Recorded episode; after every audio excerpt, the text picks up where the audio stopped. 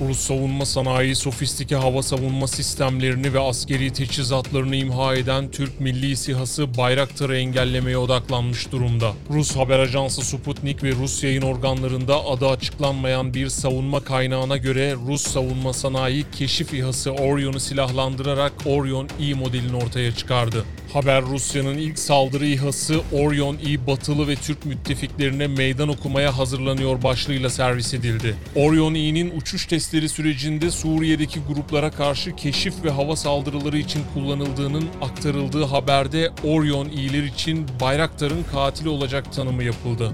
Bayraktar TB2'nin hem operasyonel hem de ihracat başarısını hayranlıkla izleyen Rus savunma sanayi hırs yapmış durumda. Bayraktar TB2'nin görev süresi ve operasyon deneyimi dikkate alındığında Orion E'nin ne kadar başarılı olacağı büyük bir soru işaretiyken adı açıklanmayan kaynağın aktardığına göre Rus savunma sanayi Orion E'yi dünya silah pazarında tanıtmaya başladı ve potansiyel alıcılarla iletişim kurma çabası içerisinde.